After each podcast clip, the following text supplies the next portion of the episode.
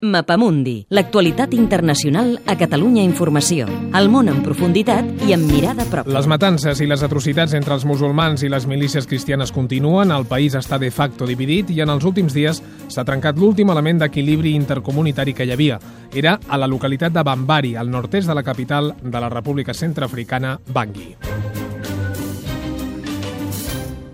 I a Bambari hi ha la Gemma Parellada. Gemma, molt bona tarda. Hola, bona tarda. Bambari és el centre de la rebel·lió dels musulmans. Situa'ns una miqueta. A veure, doncs Bambari eh, era una ciutat on fins fa només una setmana convivien pacíficament i amb tota naturalitat les comunitats cristiana i musulmana. Sortir de la capital de Bangui, on els pocs musulmans que queden estan encerclats de milicians antibalaca que els assassinen si surten del barri, o d'altres punts on he estat on els atacs són cruels, arribar a Bambari va ser com, una, com entrar una bombolla d'aire fresc i d'esperança un dels centroafricans amb qui viatjava deia a l'entrar, oh, quin plaer tornar a veure els bubús circulant tranquils, eh, referint-se a la vestimenta islàmica, però malauradament no ha durat. La població ja estava inquieta i es notava certa tensió generada per la por del que estava passant a la resta del país, però era difícil d'imaginar que saltaria en qüestió d'hores. Escoltem un dels capellans de Bambari que parlava un parell de dies abans de l'esclat del conflicte. No hem de deixar que un grup armat faci les accions en nom de la comunitat musulmana, que és el que va passar a Bangui, i és el que volíem evitar aquí. I estàvem tots d'acord també en el fet que si mai els antibalaca arribaven a Bambari, els farien front tots junts, però quan davant l'abans de la milícia una comunitat es distingeix, trenca el propòsit. Une communauté se distingue, alors il s'offre en proie. Gemma, les dues comunitats i aquest capellà en formava part havien construït una plataforma interreligiosa per evitar la ruptura, però mm, en les seves paraules ja, ja es nota una certa desconfiança. Què ha passat?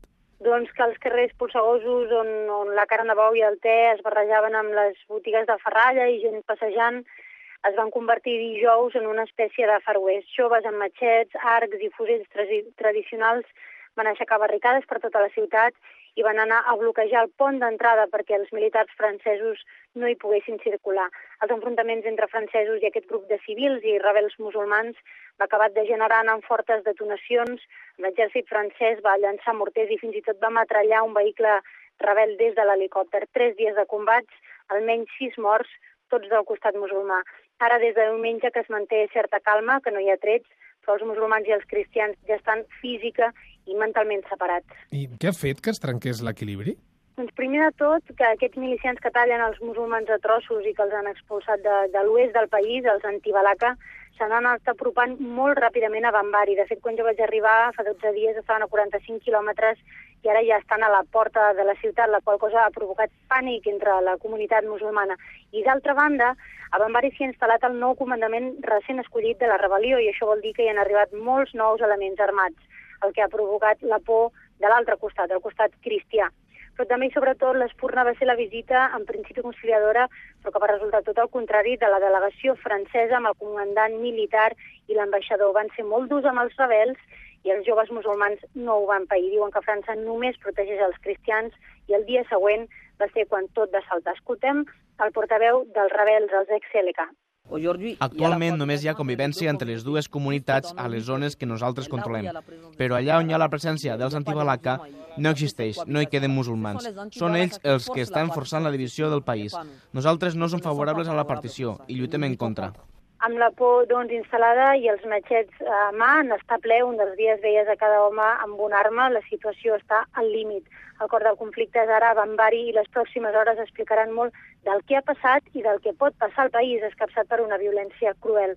Molts adolescents dels desplaçats em reconeixien aquests dies estar llestos per unir-se als antibalaca. De negociacions i decisions depèn la vida de milers de ciutadans. Doncs a veure com van aquestes negociacions i si prenen alguna decisió. La Gemma Parellada des de Bambari, al centre de la rebel·lió dels musulmans a la República Centroafricana. Gemma, moltes gràcies. Bona tarda. Adéu, gràcies. Bona tarda.